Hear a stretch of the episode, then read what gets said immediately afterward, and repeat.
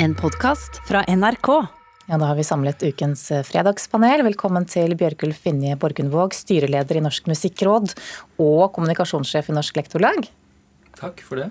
Knut Olav Åmås, direktør for Fritt Ord. Takk. Og Karen Kristine Blågestad, kulturredaktør i Fedrelandsvennen. Tusen takk. Vi starter med en eh, bok, eller rettere sagt et bokomslag som har skapt bølger denne uken, nemlig boka til Hadia Tajik. Fakultetsdirektør Caroline Holmbo Høibo ved Universitetet i Stavanger skrev i helgen en kronikk som kritiserer bildet på omslaget av denne boka. Hun sier at hun fikk assosiasjoner til bøkene Fifty Shades of Grey. Altså, Når jeg eh, leser bildet, så, så, gir jo det meg assosiasjoner til eh, motemagasiner eller lettere lektyre. Eh, og det står ikke i forhold til det viktige politiske budskapet som Hadia her kommer med i boka si. Tajik omtalte kritikken som vrøvl, og sier at eh, det hadde vært lettere å skjønne om anklagene kom fra en litt konservativ pakistansk mann. Spørsmålet til panelet er betyr denne debatten at forsider på politikerbiografier vanligvis er altfor kjedelige? Vi starter i Kristiansand. Eh, ja. Omas? Nei. Nei. Ok, Da får du starte, eh, Karen Kristine. Ja, jeg tenker jo at eh, det er en veldig sånn streng form på portrettfotografiet eh, på biografer. Det er eh, veldig stilistisk likt alltid. Veldig streit og veldig nøkternt. Og det tror jeg jo er en av grunnene til at dette vekker så oppsikt, fordi at det er et avvik fra det. Når det er sagt, så syns jeg jo det er et kjemperart bilde å velge. Hvorfor det? Fordi um, jeg forstår ikke hvem hun uh, vil snakke til med det bildet. Jeg, synes, uh, jeg kan ikke se hvem hun adresserer det bildet til, eller jeg kan ikke helt lese hva budskapet hennes er. Er det et, en melding hun vil sende om at hun skal være mer personlig i den boken, at vi skal komme tettere inn på henne som menneske? Eller når hun sitter i den litt sånn glamorøse velurdressen, da. Det kan umulig være en beskjed til Distrikts-Norge eller til arbeidere eller hipsterne på Grünerløkka som er opptatt av klima. Jeg vet ikke. Det er veldig vanskelig å tolke det bildet. Og jeg syns jo at eh, hun har blitt Altså, den diskusjonen har blitt møtt med helt eh, ellevill, eh, hellig vrede. Jeg syns det må være lov å diskutere et slikt bilde. Det er lov å diskutere imagebyggingen og framstillingen som en maktperson vil skape av seg selv. Men Knut Olav Åmås, er det lettere da å forstå eh, innholdet i boka ved å se på et portrettbilde av en, eh, en politiker? Ja, altså, jeg, mener at uh, politikerbiografiomslaget vanligvis ikke er det, Problemet er ikke at de er kjedelige. For uh, politikere og forlagene deres har stålkontroll på hvordan disse omslagene skal være. De skal kommunisere og, og utløse kjøp hos de som er interessert i denne politikeren, og, og har sympati med han eller henne. Og, og det, det, lykkes de som oftest ganske godt med. Og resultatet kan jo, kan jo da kanskje kalles litt uspennende eller kjedelig, men uh, poenget er at det, det, fungerer. Altså Et nylig omslag nå av Jan Bøhler med caps, ikke sant. Uh, og, og den litt kjedelige tittelen 'Østkantfolk'. Eller, eller, biografien om, eh, til Jens Stoltenberg for noen år siden med tittelen 'Jens' og et helt streit portrett av han. Så eh, Det er de typiske politikerbiografiomslagene. og Poenget er kjedelige eller ikke. Det er ikke spørsmålet. De fungerer, de kommuniserer med de som er interessert i denne personen. Eh, jeg er litt mer usikker på om eh, Hadia Tajiks omslag gjør det, men, men man pynter seg da i arbeiderklassen og i distriktene når man skal på fest også, da.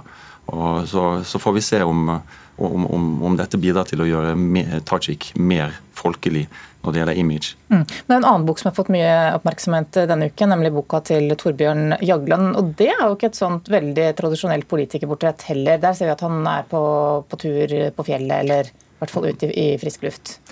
Nei, og det er jo, Forlagene skal jo selge bøker, og de har jo kontroll på hva de driver med. så Det interessante synes jeg også er å snakke om hvorfor har man valgt dette omslagsbildet.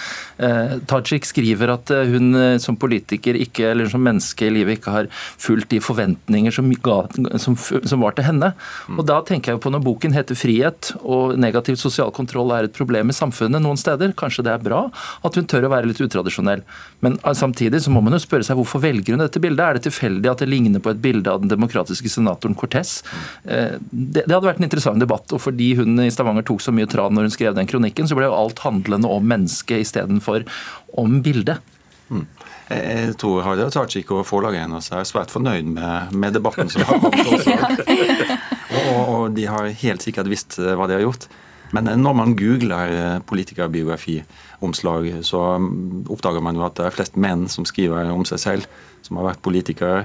Og, og, og et fellestrekk er at de, de, virker, de, virker, gjennom årene veldig forfengelige og opptatt av å iscenesette seg sjøl på omslagene. Og en politikerbiografi er jo også da en eneste stor iscenesettelse av sin egen historie.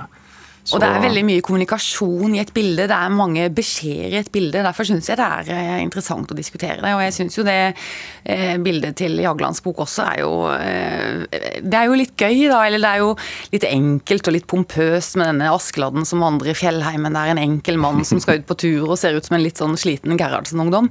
Det er mye beskjeder i det bildet også, så jeg syns det er viktig å diskutere disse bildene. Og den diskusjonen i etterkant av den litt ekstreme kronikken fra Stavanger, den, det var jo for forsøk på å tabuifisere et rom. altså Da kom jo feministpolitiet ut med hele hæren sin og full av hellig vrede. Det var ikke bra. Borgenvåg, hva er det ultimate bildet da, på en politisk biografi? Nei, Det er ikke, det er et 100-kronersspørsmål, fordi du skal jo selge bøker. og Det klarer de nå. og Så skal du skape en debatt, men hva skal den debatten handle om? Eh, Aftenpostens kommentator har skrevet at denne boken kanskje er litt kjedelig, at det er bare kulepunktene som mangler. men da, Sånn sett så blir jo dette bildet kanskje til at flere leser boken. Men, eh, men et bilde skal jo eh, fortelle noe om personen. Det er jo imagebygging. Så det hadde vært veldig interessant å få Tajik i tale på hva vil hun si med det bildet.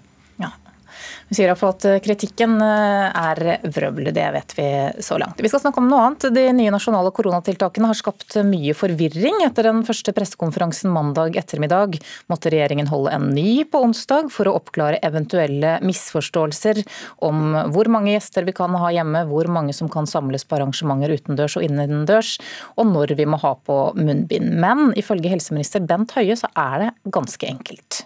Hold minst én meters avstand til hverandre. Hold deg hjemme hvis du er syk, og hold hendene rene. Det fjerde er nå hold nede antall mennesker du møter privat.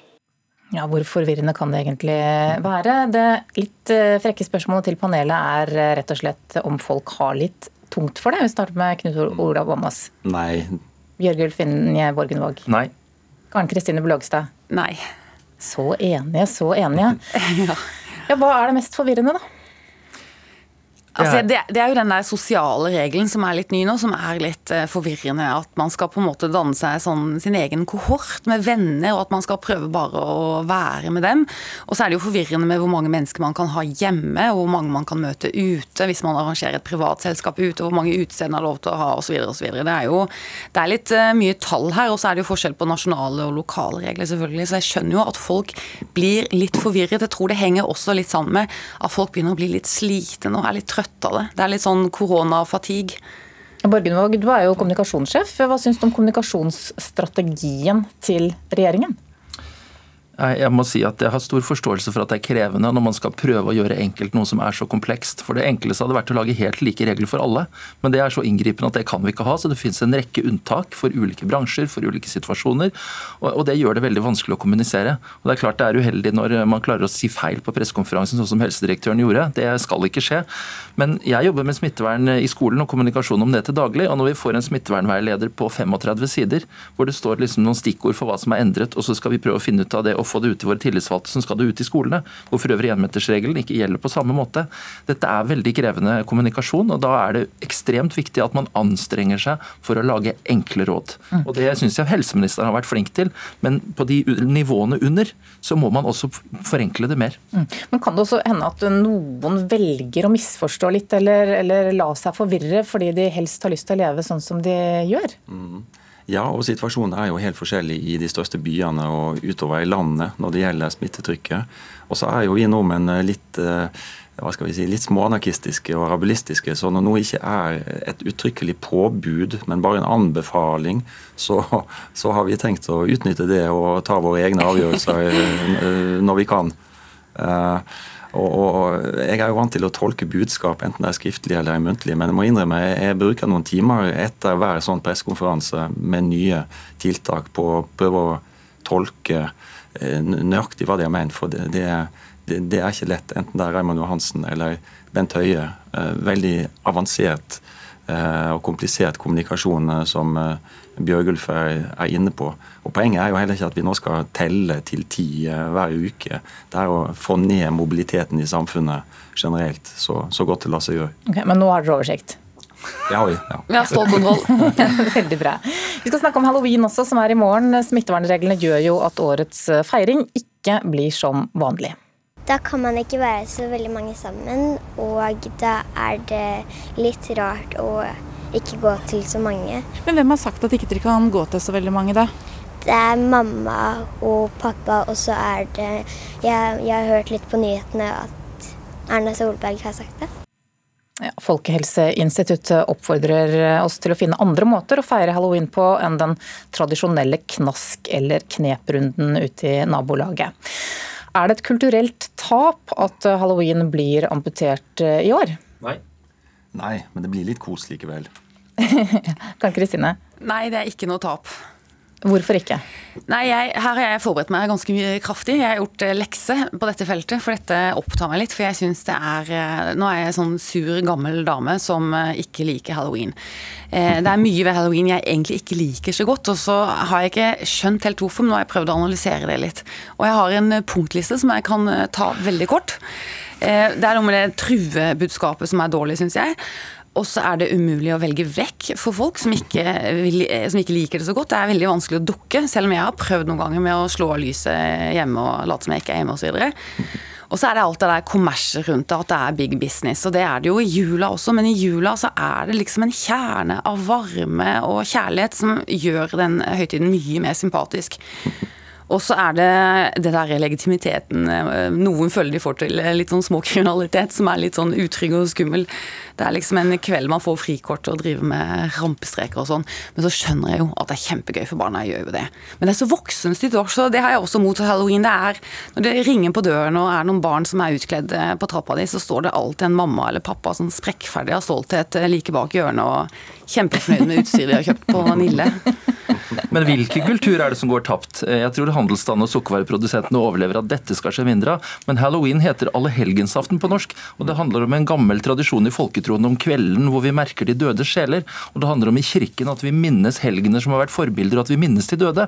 Og den tradisjonen og den kulturen syns jeg det er viktig at vi klarer å ta vare på, for det er en veldig fin tradisjon. Men det er jo ikke noe av det halloweenfeiringene i 2020 eller i 2019? Ja, Det kommer jo an på om du går i kirken for å minnes de døde og har en messe der, eller om du går på døren og truer folk. Er, halloween må ikke reduseres til eh, den godterigreia. Mm. Ja, for halloween kan jo, særlig i år kanskje, det være en anledning til å snakke om døden. Knut Olav Åmås? Ja, godt poeng. Og, og, så kan vi jo etter å banke på dører gå på kirkegården og tenne lys for, for våre døde. Så jeg er veldig enig i det Bjørgulf sier om denne tradisjonen helt fra middelalderen av. men den er jo kommet helt i, i bakgrunnen. For, for, døden er jo et tabuisert tema i samfunnet vårt. Men jeg må innrømme jeg skal på Yummy Heaven og kjøpe godteri. ja, for du sa, ja, for du sa vi etter at vi har gått rundt og banket på dører. Betyr at du går rundt lørdag kveld og banker på Nei, du gjør ikke det? Ikke det. Men, men og Knut Olav, deg skulle jeg tatt imot. altså. Jeg skulle åpnet døren ja, ja. så for deg hvis du kom utkledd på min dør. Men altså, Med en obskur fortid som begravelsessanger i Oslo kommunale krematorier, og i denne tiden vi er i nå, så tror jeg det er veldig viktig at vi slutter å tabuisere døden og snakker om den. For det er en, det er en del av alles liv. Og vi er i en situasjon hvor folk ikke får holde begravelser hvis ikke alle kan respektere smittevernreglene så vi får ned smitten. Så la oss snakke litt om døden. Ok, Da tar vi det med oss inn i helgen. Takk skal dere ha, Bjørgulf Finje Borgenvåg, styreleder i Norsk musikkråd og kommunikasjonssjef i Norsk Lektorlag, Knut Olav Åmås, direktør for Fritt Ord, og Karen Kristine Blågestad, kulturredaktør i Feven.